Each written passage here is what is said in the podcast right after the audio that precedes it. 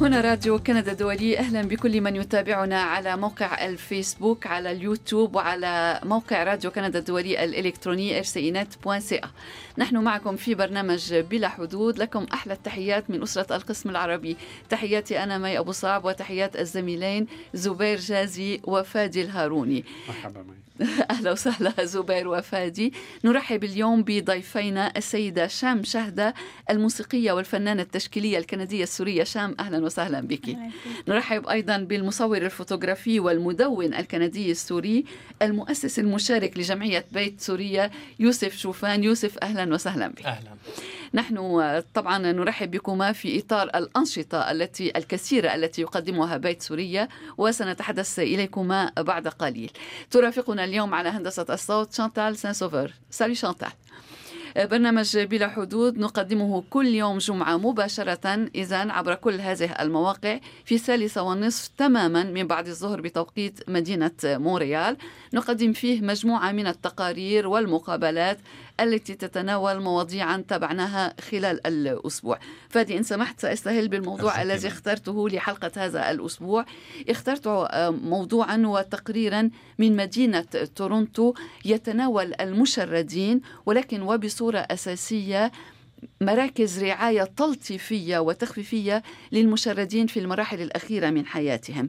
فالطبيب نهيد دوساني كان وراء هذه المبادرة إذ أنه ساءه كثيرا أن يرى المشردين وخصوصا المرضى آه، منهم وفي حالات متقدمة من المرض يمضون آخر أيام حياتهم في الشارع. وتم آه، على أثر ذلك العمل في إطار Palliative Education and Care for the Homeless وتضم مدينة تورونتو عددا كبيرا من المشردين. يقول الدكتور دوساني إنه التقى أعدادا كبيرة منهم وأهم ما قالوا له إنهم يحبون أو يرغبون أو يفضلون أن يموتوا داخل منزل وليس في الشارع. وتجاوبا مع هذه الرغبة قام مع فريق طبي بتأسيس مركز رعاية تلطيفية ورعاية لاستقبال المشردين. المركز الأول الذي تم تأسيسه بمساعدة طبعا أطباء وعاملين في القطاع الصحي. أول مركز يتسع لأربعة أشخاص يوفر لكل مشرد غرفة خاصة وحماما خاصا كما في المستشفيات. يمكنه داخل هذا المنزل استقبال رفاقه المشردين رفاقه بالإجمال وأفراد عائلته إن شاء ويمكنه أن طبعا يحاط بمشاعر إنسانية ويمكنه أن يلقى العلاج وأن يموت بسلام كما قال الدكتور نهيد دوساني في حديث عن مشردة شابة. تركت منزلها في الخامسة عشرة من عمرها أصبحت مشردة لأسباب نستمع إليها من خلال التقرير. وتوفيت بسلام في هذا المركز كما قال الدكتور دوساني لأنها توفيت داخل المنزل وليس تحت الرصيف أو تحت الجسور كما يجري حال عادة بالنسبة لهؤلاء المشردين. إذا تقرير مؤثر حول المشردين في مدينة تورونتو تستمعون إليه ومتوفر على موقعنا rcinet.ca نهيد دوساني طبيب يعمل على معالجة المشردين الذين لا مأوى لهم والذين يفترشون الطرقات في مدينة تورونتو. ويعمل الدكتور دوساني على معالجتهم أن كانوا في إطار فريق طبي متنقل يقدم الرعاية التلطيفية للمشردين في كبرى المدن الكندية. ويكفي أن نعرف أن ما يزيد على خمسة ألاف شخص يبيتون ليلتهم في العراء يوميا في تورونتو لندرك حجم المشكلة في المدينة الملكة كما تسمى تورونتو. ويعاني هؤلاء من مشاكل صحية مختلفة ويحلم الكثير منهم عندما تسوء أوضاعهم الصحية ويشارفون الموت في أن يموتوا داخل منزل وليس في الشارع كما أظهره تحقيق أعده تلفزيون سي بي سي هيئة الإذاعة الكندية. ويأمل المشردون في أن تكون المحطة الأخيرة من حياتهم. داخل منزل ولا يترددون في الحديث إلى الفريق الطبي ونستمع إلى ما يقول بهذا الصدد الدكتور نهيد دوساني. Clients come to us in different ways and through different pathways and before you even enter a person's space and that space can be the street, it can be a shelter, but it's their space is to recognize the trauma, the trauma that the people we're serving have experienced um, in, in being on the street. يأتي المرضى إلينا من طرق مختلفة وقبل أن تدخل في محيط أحدهم حتى ولو كان الشارع أو الملجأ فإنه محيطه. وينبغي التعرف إلى الصدمة التي يعيشها هؤلاء الأشخاص الذين نساعدهم والتجربة التي يعيشونها في الشارع. ويصغي الدكتور دوساني إلى رأي المشرد ويقدم له المساعدة الصحية التي يحتاجها وخصوصا بالنسبة للذين هم على فراش الموت ونستمع مرة أخرى إلى ما يقوله I'm inspired by the population we serve each and every day.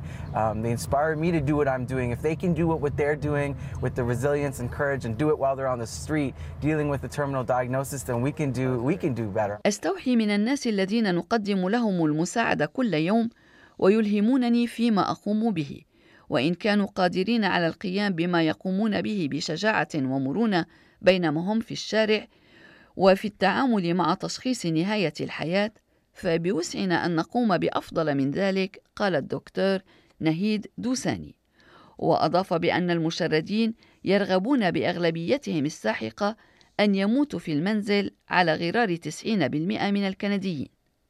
وتقول نانسي لوفيفر من مركز سانت إليزابيث الصحي في تورونتو إنها استلهمت من عمل الدكتور دوساني عندما استمعت إليه وهو يحاضر حول موضوع مساعدة المشردين وعرضت عليه أن تتعاون معه لفتح مركز رعاية لهم يوفر لهم تمضية أيام حياتهم المتبقية في منزل كما قالت وتابعت بالقول And here we are, not even a year and a half later, and this is the very beginning of our first uh, four bed residential hospice for the homeless population. ها نحن بعد أقل من سنة ونصف قد فتحنا أول مركز يستقبل أربعة أشخاص من المشردين ويؤمن لهم الرعاية. وأشارت نانسي لوفيفر إلى أن المشردين الذين لا مأوى لهم يموتون على قارعة الطريق أو تحت الجسور وهو أمر محزن للغاية. ومركز الإيواء والرعاية سيكون منزلهم وسيكون لهم سرير وحمام كما في المستشفيات ويوفر لهم المركز محيطا يتميز بدفء المشاعر ويمكنهم أن يستقبلوا فيه رفاقهم المشردين وأفراد عائلاتهم إن شاءوا وهو مركز يموتون فيه بكرامة قالت نانسي لوفيفر. والتقى الفريق الطبي الشابة المشردة باندورا التي تعرضت للاغتصاب وهي في الخامسة عشرة من عمرها وغادرت منزل والديها منذ ذلك الوقت لأنها كانت تخجل من مواجهة والدها في حال علم بأمرها. ولم تستمع إلى صديقها الذي نصحها بالعودة إلى المنزل وعانت في الشارع من مشاكل الإدمان والصحة العقلية ومن وضع صحي يقتلها ببطء. وكانت تعاني مشاكل في التنفس عندما التقاها الدكتور دهيد دوساني الذي ساعدها على الانتقال إلى مركز الرعاية ونستمع إلى ما قاله. We're sitting in Pandora's future room actually. This is exactly where she's going to come. Um, she'll, she'll sleep there. Um, while our focus here is good palliative care and a palliative approach to care, um, there is potential that someone like Pandora could actually thrive in an environment like this and do better and may actually live longer as a result of the care. نحن في الغرفة التي ستستقبل باندورا التي ستنتقل لتنام فيها ونحن نركز على الرعاية التلطيفية ومن المحتمل أن يتحسن وضع شبيه بوضع باندورا وأن يعيش الشخص مدة أطول بفضل العلاج قال الدكتور دوساني. ولكن القدر شاء غير ذلك وأعرب الطبيب في الختام عن حزنه الشديد لوفاة الشابة التي كان المرض أقوى منها.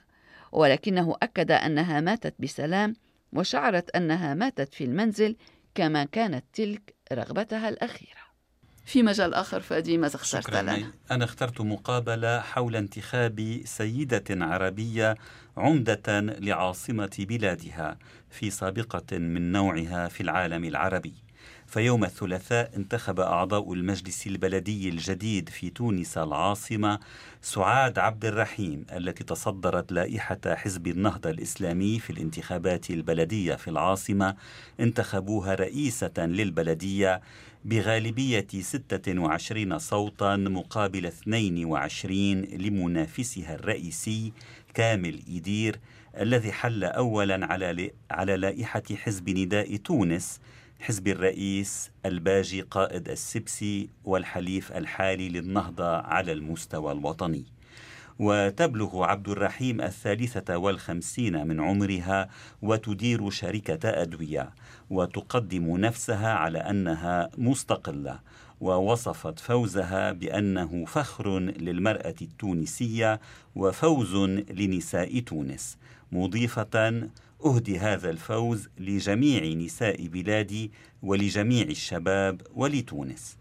تناولت هذه السابقة في العالم العربي مي في حديث أجريته يوم الأربعاء مع الناشط الكندي التونسي السيد نصر الدين بن علي الرئيس السابق للجمعية أو بالأحرى لجمعية التونسيين المقيمين في أوتاوا وغاتينو. أستاذ نصر الدين بن علي تحياتي. أهلا. شكرا. أستاذ نصر الدين أنت ناشط كندي تونسي والرئيس السابق لجمعية التونسيين المقيمين في أوتاوا وغاتينو المعروفة أيضا بجمعية تواصل. ونتناول في حديثنا اليوم انتخاب سعاد عبد الرحيم التي تصدرت لائحة حزب النهضة الإسلامي في الانتخابات البلدية أمس انتخابها عمدة لتونس العاصمة. لتصبح أول سيدة تفوز بهذا المنصب المعروف أيضا بشيخ مدينة تونس. وانتخبت عبد الرحيم من قبل أعضاء المجلس البلدي الجدد ب 26 صوتا مقابل 22 لمنافسها الرئيسي كامل إدير الذي حل أولا على لائحة حزب نداء تونس حزب الرئيس الباجي قائد السبسي والحليف الحالي لحزب النهضة على المستوى الوطني. وتبلغ عبد الرحيم الثالثة والخمسين من عمرها وتدير شركة أدوية وهي وصفت فوزها بأنه فخر للمرأة التونسية وفوز لنساء تونس وأهدته لكل التونسيين. وعلى غرار حزب النهضة نفسه ترفض عبد الرحيم تعريفه تعريف هذا الحزب بالإسلامي وتقدم نفسها على أنها مستقلة داخل حزب يحرص على تقديم صورة المسلم الديمقراطي. أستاذ نصر الدين بن علي ما قراءتك اولا لفوز سيدة لفوز سعاد عبد الرحيم بمنصب شيخ المدينة شيخ مدينة تونس؟ شكرا اولا على الاستضافة وتحية إلى مستمعي راديو كندا الدولية. آه، شكرا. أسأل الله انه الطقس آه، يروق نوعا ما يعني يلطف آه، من الحرارة القياسية هذه في كندا. شكرا. تقبل الله دعائك شكرا. في شأن موضوع طبعا تونس تضرب آه، موعد مع التاريخ مرة ثانية بانتخاب أول امرأة عمدة للعاصمة وأكبر مدينة في تونس.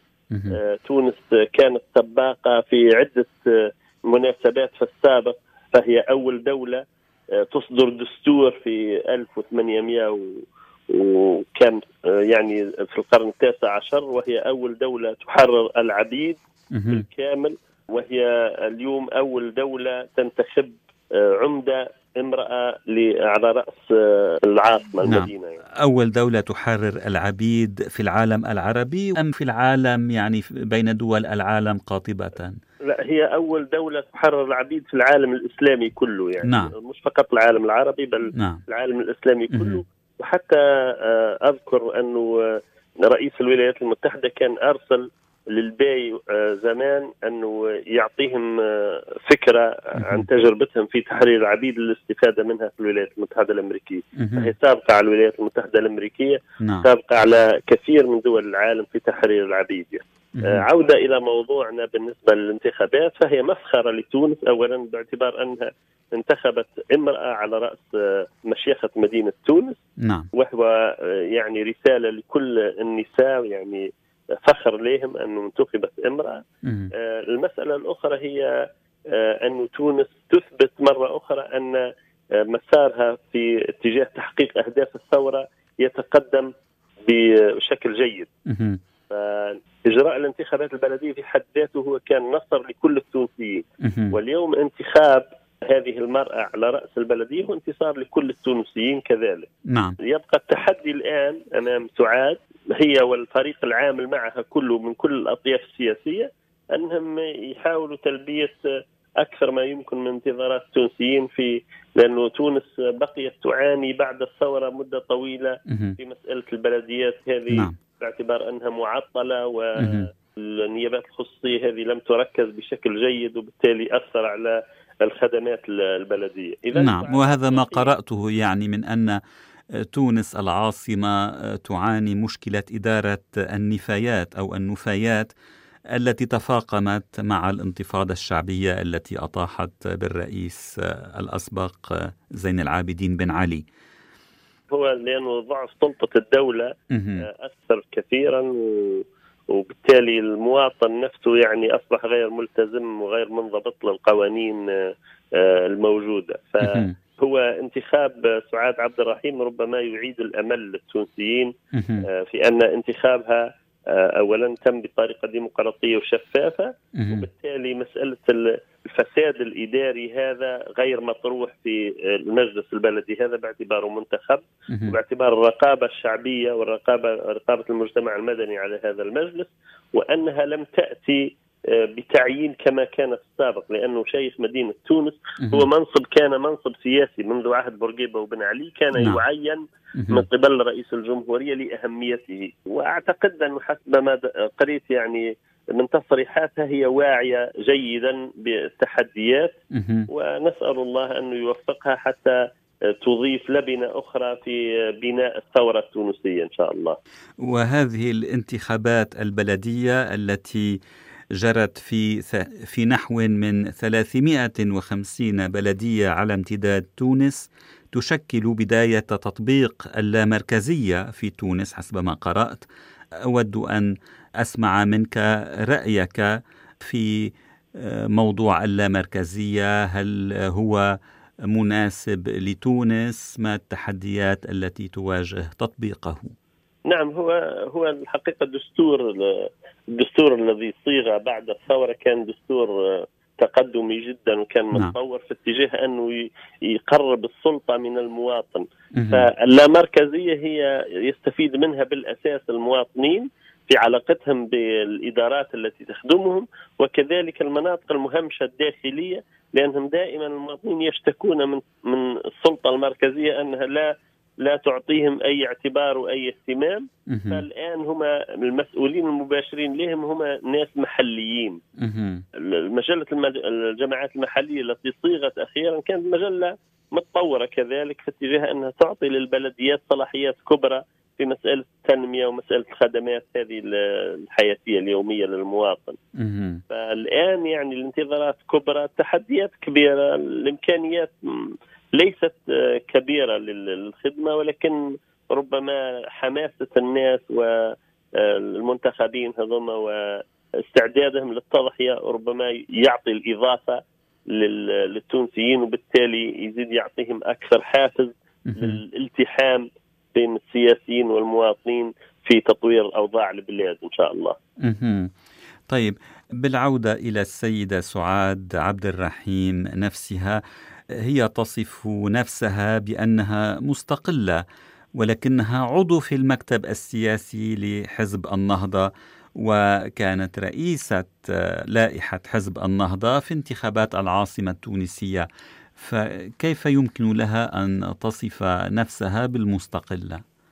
آه، هو المتابع ربما للشأن السياسي التونسي ولحزب النهضة. آه، خاصة يلحظ في المدة الأخيرة أن النهضة عززت صفوفها بكثير من آه، الطاقات المستقلة فيهم حتى اليساري فيهم نعم. اليساري وفيهم اليسار الإسلامي سابقا أو الإسلاميين التقدميين وفيها مثلا رئيس بلديه باردو نفسها اللي هي امرأة كذلك من حزب حركة النهضة هي مستقلة كانت تنتمي إلى الحزب الحاكم سابقا وحتى إلى نداء تونس ثم استقالت منه. فالنهضة تجري عملية جيدة في الانفتاح على نعم. الطاقات الموجودة في البلد وأعتقد سعاد عبد الرحيم هي من هذا النوع يعني. فانتمائها للنهضة من عدمه واستقلاليتها هذا آه، هي استقلاليتها تخدمها أكثر في اتجاه أنها تتعامل بأريحية مع مكونات المجتمع. نحن للأسف في تونس عندنا الكثير ما زال مرتبط بال يسموها التيكة السياسية يعني أو العلامة السياسية للمرشح. في حين أنه آه، لما تنتهي الانتخابات ويفوز المفروض انه الناس تتعامل مع مع المنتخب على أساس أنه يمثل المواطنين كلها وينسوا هالموضوع هذا. نحن في تونس كان المدة الأخيرة في الأيامات الأخيرة أنه كان هناك تجاذبات كبيرة لدرجة أنه هناك من الناس من أحزاب سياسية عريقة قالوا أنه سعاد عبد الرحيم لا تصلح أن تكون رئيسة بلدية تونس وقدموا اعتبارات يعني مضحكة واحد قال أنه مثلا أنها هي غير ليست ابنة العاصمة يعني هي أصلها من أصول من الجنوب في حين أنه هو البلدية مفتوحة لكل سكانها يعني نعم. واحد قال آه، واحد ثاني قدم مبرر آخر قال أنه آه، في في رمضان لما تحضر يحضر في مدينة تونس للمسجد فهي امرأة ورغم أنه هذا ما قدرش على الناس متدينين هذا قدر على الناس المفروض هما علمانيين وما عندهمش علاقة معناها بالتشدد نعم. وكذا. وهي امرأة غير آه، محجبة يعني لا تضع حجاب الرأس وهذا ما يلفت الانتباه من قبل سيدة ترأس لائحة حزب إسلامي وإن كان هذا الحزب يعني يؤثر عدم وصف نفسه بالإسلامي. نعم هو يحسب لهذا الحزب أنه قدم امرأة غير محجبة وهو قدم كذلك الآن في البلديات حسب الإحصائيات أنه أكثر حزب قدم نساء لترأس البلديات يعني أعتقد 29% تقريبا هما رئيسات البلديات لحد الآن أعتقد النهضه ثلاثة أرباعهم يعني من النهضة يعني. فالمفروض أن نحن نصفق لكل من يقدم على خطوات يعني إيجابية بقطع النظر على هويته الحزبية معنا. على كل حال ستكون لنا متابعة لمسيرة السيدة سعاد عبد الرحيم أستاذ نصر الدين بن علي الناشط الكندي التونسي والرئيس السابق لجمعية التونسيين المقيمين في أوتاوا وغاتينو. من أوتاوا شكرا جزيلا لهذا الحديث ولهذه الإضاءات. شكرا مرة ثانية. العفو. شكرا فادي. قبل أن نتابع الحلقة نحن نتابع ونحن نقدم البرنامج المباراة بين بلجيكا وأوروغواي. سجل البرازيليون و... عفوا البرازيل الأوروغواي خرجت. نعم. إذا سجل البرازيليون هدفا وأنت تقرأ نصك فادي. سجل البرازيليون هدفا ورأيت شانتال سان سوفور تضحك وراء ال... إذا هدف للبرازيل في هذه المباراة آه، مقابل البلجيكي في نقل حي في نقل حي نعم ولكن نحن نكتفي بالصورة بدون الصوت لأننا نقدم البرنامج. آه، زبير أنت من مؤيدي البرازيل أو بلجيكا بطبيعة الحال بطبيعة الحال. طيب ننتقل إليك. آه، تفضل. نعم. سوف أتحدث عن تقرير اليوم السبت القادم حيث سأتطرق إلى وأتحدث عن خدمة جديدة تسمح للعريس طلب الزواج من عشيقته المحبوبة وهما يحلقان فوق سطح القمر ويمكنهم الاستماع إلى أغنية طيري بي إلى القمر Fly Me to the Moon للمطرب الشهير فرانك سيناترا. وأغنية إحنا والقمر جيران لفيروز. فيروز هذه آه. يعني زيادة من عني لأن من موجودة لكن فقط فرانك سيناترا. فرانك سيناترا. وطيري يا طيارة وإلى آخره وكل ما يتعلق بالطيران. نعم لأن المطربين العرب والشعراء كثيرا ما تغنوا بالقمر والحبيبة. نعم. ولكن يعني تتحدث عن فوق القمر أنه يعني تحليق فوق القمر ليس يعني ليس مش على القمر وهذا ما كنت سأقوله لأنه ما من أحد وصل إلى القمر حتى الآن سوى تحليق على القمر وهي آه. خدمة جديدة تعتمد آه. على تكنولوجيا حديثة وسوف أتحدث آه. على هذه التكنولوجيا حول هذه التكنولوجيا في تقرير يوم القدس السبت القادم. حلو كثير وهنيئا لكل الذين سيتزوجون ويستمعون إلى كل هذه الأغنيات ونحن سنستمع إلى تقريرك الذي نقدمه على موقعنا كل يوم سبت زبير جازي. شكرا لك. شكرا معي. نرحب نعود إلى الأرض. ونرحب نعم. من جديد بضيوفنا. السيدة شام شهدة الموسيقية والفنانة التشكيلية. أهلا وسهلا شام. أهلا وأيضا أهلا وسهلا ب يوسف شوفان المصور الفوتوغرافي والمدون والمؤسس المشارك لجمعية بيت سوريا. أهلا وسهلا. أهلا. أود أن أقول في البداية وقبل أن نبدأ بالحديث معكما أنك يوسف وصلت بسن صغيرة على مونريال. مع هيك بتحكي العربية ولكن أوقات بتفضل الكلام بال يعني بيطلع معك كلمات باللغة الفرنسية بسهولة أكثر بالإنجليزية نعم. بسهولة أكثر.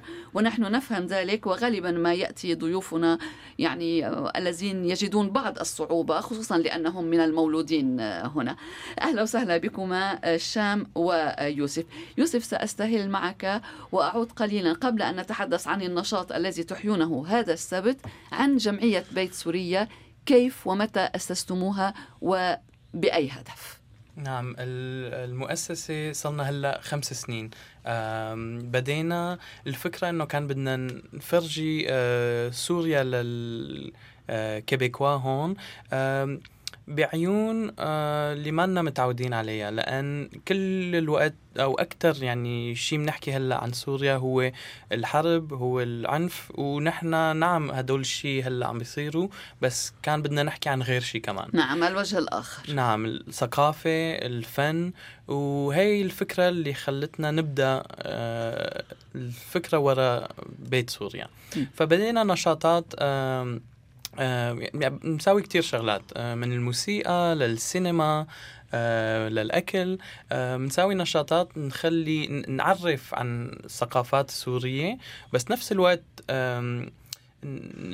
يكون هدول ال space المكان وين فيها العالم تحكي مع بعض تتعرف على بعض ليكون السوريين مع الكيبيكوا اللي ما سوريين أو كمان سوريين بين بعض. اخر خمس سنين تقريبا عشر مرات بالسنة بنسوي نشاطات. بس هلا من جديد من ثلاثة شهور صار عنا أول مركز لنا فأول أربع سنين كنا نشتغل حول المدينة آه الايفنتس تبعنا كانوا يكونوا على اليمين على اليسار. بس هلا من ثلاثة شهور راح نكمل نسوي شغلات نعم. برات المركز تبعنا. بس من ثلاثة شهور بدينا هذا المشروع الجديد لبيت سوريا. هو يكون عندنا مركز مشان نسوي نشاطات عنا كمان. هذا المركز مشارك مع غير مؤسسات. بس آه خطوة آه، مهمة لنا مشان نكبر ويصير بجوز بالمستقبل يكون عندنا مركز لنا لحالنا. خطوة نحو الاستقرار نفهم منك وأحببتم أن تستهلوا هذه الخطوة بأنشطة جميلة للغاية. وفي هذا الإطار تنظمون يوم السبت معرضا تشكيليا والفنانة التشكيلية شام الشهدة هي يعني من ستقدم هذا المعرض. شام أخبرينا عما تقدمينه. والمعرض يحمل عنوانا جميلا. من اختار العنوان وكيف اخترتموه؟ اخترت العنوان أنا طبعا لأنه عنوان لأعمالي اللي عم اشتغلها أه كمان مبني على شهود, شهود. نعم أه مبني على أعمال سابقة أنا عملتها. أنا قبل كنت أشتغل أه نحت أكثر من التصوير التصوير رسم. أو هلأ كولاج أكثر شغلي. هي أول تجربة لي بهذا الشغل. أه بلشنا بالإقامة أه بعد ما أخذوا المقر الجديد تبعهم بيت سوريا وكان في نقاش إنه شو ممكن ينعمل بهذا المكان. فتناقشنا ممكن يقدموا إقامات فنية للفنانين اللي هن عندهم إياهم على ال website تبعهم على الريبرتوار. وهم سوريون و... بالإجمال أم؟ تماما كلهم سوريين. أه أه بقى بما إنه حكينا نحن أول شيء بهذا الموضوع كانت ال ال يعني كانت البداية معي أنا نعم. كتجربة للإقامة نعم. بس الفنية بس تجربة منيحة آه، والنتيجة هي رح تكون النشاط اللي عاملينه بكرة اللي هو معرض لل للأعمال اللي انتجتها خلال هي الإقامة اللي كانت مدتها أربع أسابيع أو شهر. خبرنا عن الإقامات الفنية يوسف. نعم الفكرة بدت من شي سنتين ونص. بدت مع دليل آه، اللي سويناه هو على الصفحة تبعنا ال website تبعنا. دليل آه، لنعرف فينا نقول للجمهور أو لل public عن الفنانين السوريين اللي عايشين بمونريال. هاي الفكرة إجت لأن أول شيء وقت إجوا اللاجئين السوريين فكرنا شلون فينا نحن نساعد كمؤسسة ثقافية لهدول العالم اللي جايين. ففكرنا والشغل ضمن الشغلات اللي سويناهم هو آه هذا الدليل. بس هذا الدليل مو بس آه لاجئين سوريين لأن بنحب إنه وقت الواحد يجي هون دغري آه، يندمج, يندمج. آه، مع المجتمع. المجتمع ففي بالدليل تبعنا في منهم إجوا من سنة سنتين بس في منهم كمان آه، مثل شام من تقريبا 10 سنين بمونريال منهم من لسه أكثر فالفكرة إنه كلنا مع بعض يكون هذا فينا نقول مجتمع الفنانين السوريين عايشين هون بمونريال. يعني مجال للتعارف والتقارب نعم. بين الفنانين السوريين نعم ونعرف على شغلهم هون بمونريال مبادرة حلوة جدا. وبعدين فكرنا شلون فينا نساوي أكثر من هيك. ووقت صار عنا المركز تبعنا حبينا إنه نجرب نساوي هدول الإقامات الفنية. آه فالتجربة الأولى الأولى الأولى. كانت مع شام لأن اشتغلنا مع شام بالماضي. كان عندنا مثلا festival السنة الماضية واشتغلت معنا. فكنا عم نحكي مع بعض وتحكينا عن هي الفكرة تبع الإقامات. آه، قلنا لحالنا لأن نفهم بعض وعلى نفس ال wavelength يعني بنفهم بعض آه، يمكن آه، فن يعني على الفن على الثقافة وعلى على غير شغلات. فقلنا نجرب مع شام. فسوينا هلأ أربع أسابيع. آه، كان عندها مشروع بدها تساويه وكان عم تدور كمان على مكان. فضمن La Maison de la Syrie اقترحت هدول pieces في 15 لوحات نعم. في 15 منهم. في كمان آه شوية نحات. آه نحت أعمال نحتية. وهدول آه هذا المشروع بكرة راح يكون عندنا exhibition بال بالمركز, بالمركز السوري. تفضل تفضل زبير أرجوك. هذه الشهادات ما هو محورها؟ تدور حول ماذا؟ عنوان المعرض شهود آه هو من أول ما بلشت أنا عمل فني بشكل جدي واشتركت بمعارض وخلال وقت دراستي كانت مبلشة الحرب بسوريا. فكان معظم مواضيع آه، آه، أعمالي على موضوع الحرب على العالم اللي تأثرت بالحرب. آخر مجموعة اللي اشتغلتها هلأ خلال هذا الشهر هي سميتها شهود آه، معظمها أعمال تشخيصية يعني هي الأشخاص. آه، شاهدين على على الحرب على نتائج الحرب. إن كان هن عايشين بسوريا أو إن كانوا هن برات سوريا كلنا شفنا وكلنا يعني كنا شاهدين على شو عم بيصير وشو شو نتائج المأساة يعني لا لا ما خلصت إيه، يعني انطلاقا مما يعيشه السوريون في الوطن الأم وما يعيشه أبناء الجالية السورية الذين يتابعون بالطبع كل ما يجري في لأنه نحن كمان الأم. شهود حتى لو أنا ما نعم. عشت الحرب بس أنا عايشتها عن بعيد فأنا بعيد. كمان شاهدة عن نعم. شو عم بيصير؟ إذا مجموعة من اللوحات والقطع الفنية والمنحوتات والمنحوتات أيضا في السياق نفسه يعني هي نوع من شهادة. تماما مم. تماما. شغلي اللي قبل كان اللي هو نحت آه كان على هال كمان عن موضوع الحرب عن اللاجئين عن العالم اللي تشردت عن عالم تركت آه، بلدها تركت بيوتها.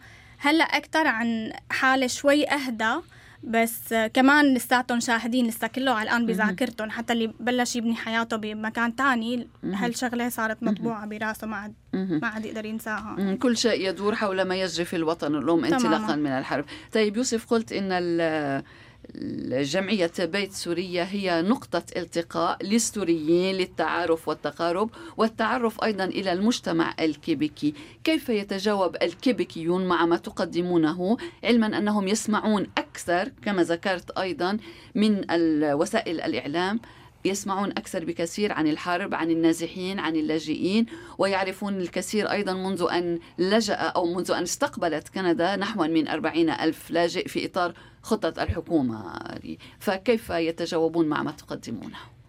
يمكن ضمن العالم آه، اللي منا أصلا سوري يلي كانوا بيعرفوا سوريا قبل أو اللي تعرفوا على سوريا آخر كم سنين.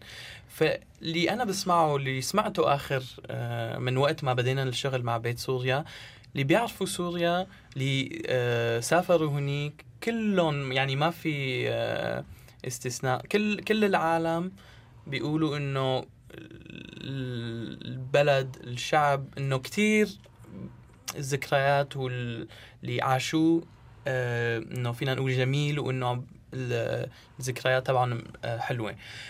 فوقت يشوفوا اللي عم بيصير هلأ بيحسوا حالهم إنه آه بيكونوا شعورهم بالحزن بالأسى نعم. لما يجري واللي ما كان بيعرف البلد أو سوريين يمكن الشغل اللي عم نساويه آه بخلوهم بخليهم يشوفوا غير شيء لأن الواحد أكيد إنه آه، ما إنه متعود أو مثلا اللي بيشوفوا على التلفزيون أو بيسمعوا على الراديو أكيد مو الحق عليه إنه الواحد إنه ما بيعرف غير شغلات. فبرأيي هدول العالم اللي ما كانوا بيعرفوا كتير شغلات عن البلد وقت يجوا على النشاطات تبعنا بيشوفوا إنه في كثير يعني شغلات أكثر من غير الحرب. نعم. هناك الوجه الجميل هناك الحضارة هناك الثقافة هناك البعد الفني في نعم فمشان نرد على السؤال يمكن إنه هدول العالم ينبسطوا إنه يشوفوا غير شغلات آه، اللي بجوز ما متعودين عليها. وبالنسبة للجالية السورية هنا وهي كبيرة العدد أيضا يعني آه، ماذا قدم لك الشام آه، هذا المركز؟ يعني طبعا بغض النظر عن المعرض الذي ستقدمينه يعني كيف ساعدك؟ ماذا قدم لك؟ هلأ أنا ما صار لي زمان كثير مع بيت سوريا تقريبا شي سنة. أه؟ أول شيء قدمه إنه عرف العالم علي. وهي كانت شغلة كثير كثير منيحة. أه اشتراكي بالفستيفال تبع هديك السنة كمان كان نشاط كثير حلو. وبعتقد إنه لهلأ ما راح تخلص نشاطاتي معهم وهي بس البداية. فاللي قدموه لهلأ كان كتير آه، له أثر كبير إن العالم تتعرف على أعمالي. ومعرضي بكرة هو أول معرض شخصي لحالي. وحيكون برعايتهم. برعاية بيت سوريا. هل هل الرسم هو الهواية الأولى أم النحت بالنسبة لك؟ أه لا أنا رسم بالأصل. أه لما كنت بسوريا كنت بكلية الفنون و أه كنت داخلة تصوير. أه رسم يعني. وبعدين لما أجيت لهون قررت أختص آه، سيراميك خزف وصرت أشتغل بالطين واشتغلت النحت. تجربة بكرة هي أول تجربة لإلي بالكولاج بعيد عن الطين والنحت وال نعم. فنحن كمان كتير مبسوطين إنه فينا نخلي عالم فنانين مثل الشام إنه تجرب شغلات جداد. نعم. فهاي كمان شغلة فينا نقول إنه سويناها إنه نقدر يعني بجوز هيك دفشة صغيرة. ضمن الم... يعني ال... آه، نحن يعني اللي فينا نقترحه وفينا الإمكانيات الإمكانيات تبعنا. ضمن هدول الإمكانيات آه عم نقدر نسوي هيك شغلات. طيب رح أرجع معك للإقامة الفنية. أقمتم إقامة فنية مع الشام.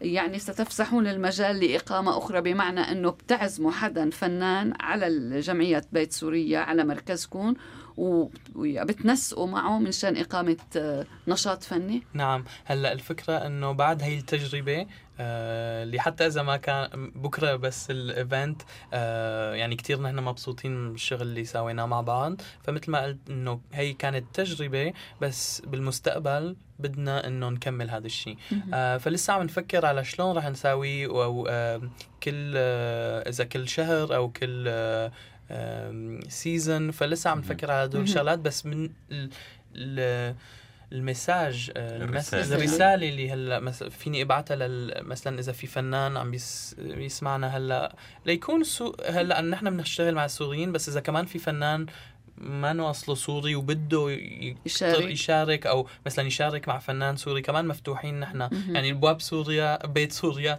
آه، مفتوحين يعني مفتوحة. لأفكار وتجربات آه، جداد آه، بس النقطة اللي كنت بدي أقولها إنه إذا حدا بده يشارك بس يروح على الصفحة تبعنا La Maison مهم. آه، بيلاقي إنه في صفحة على الريبرتوار. هذا الدليل اللي حكيت عنه.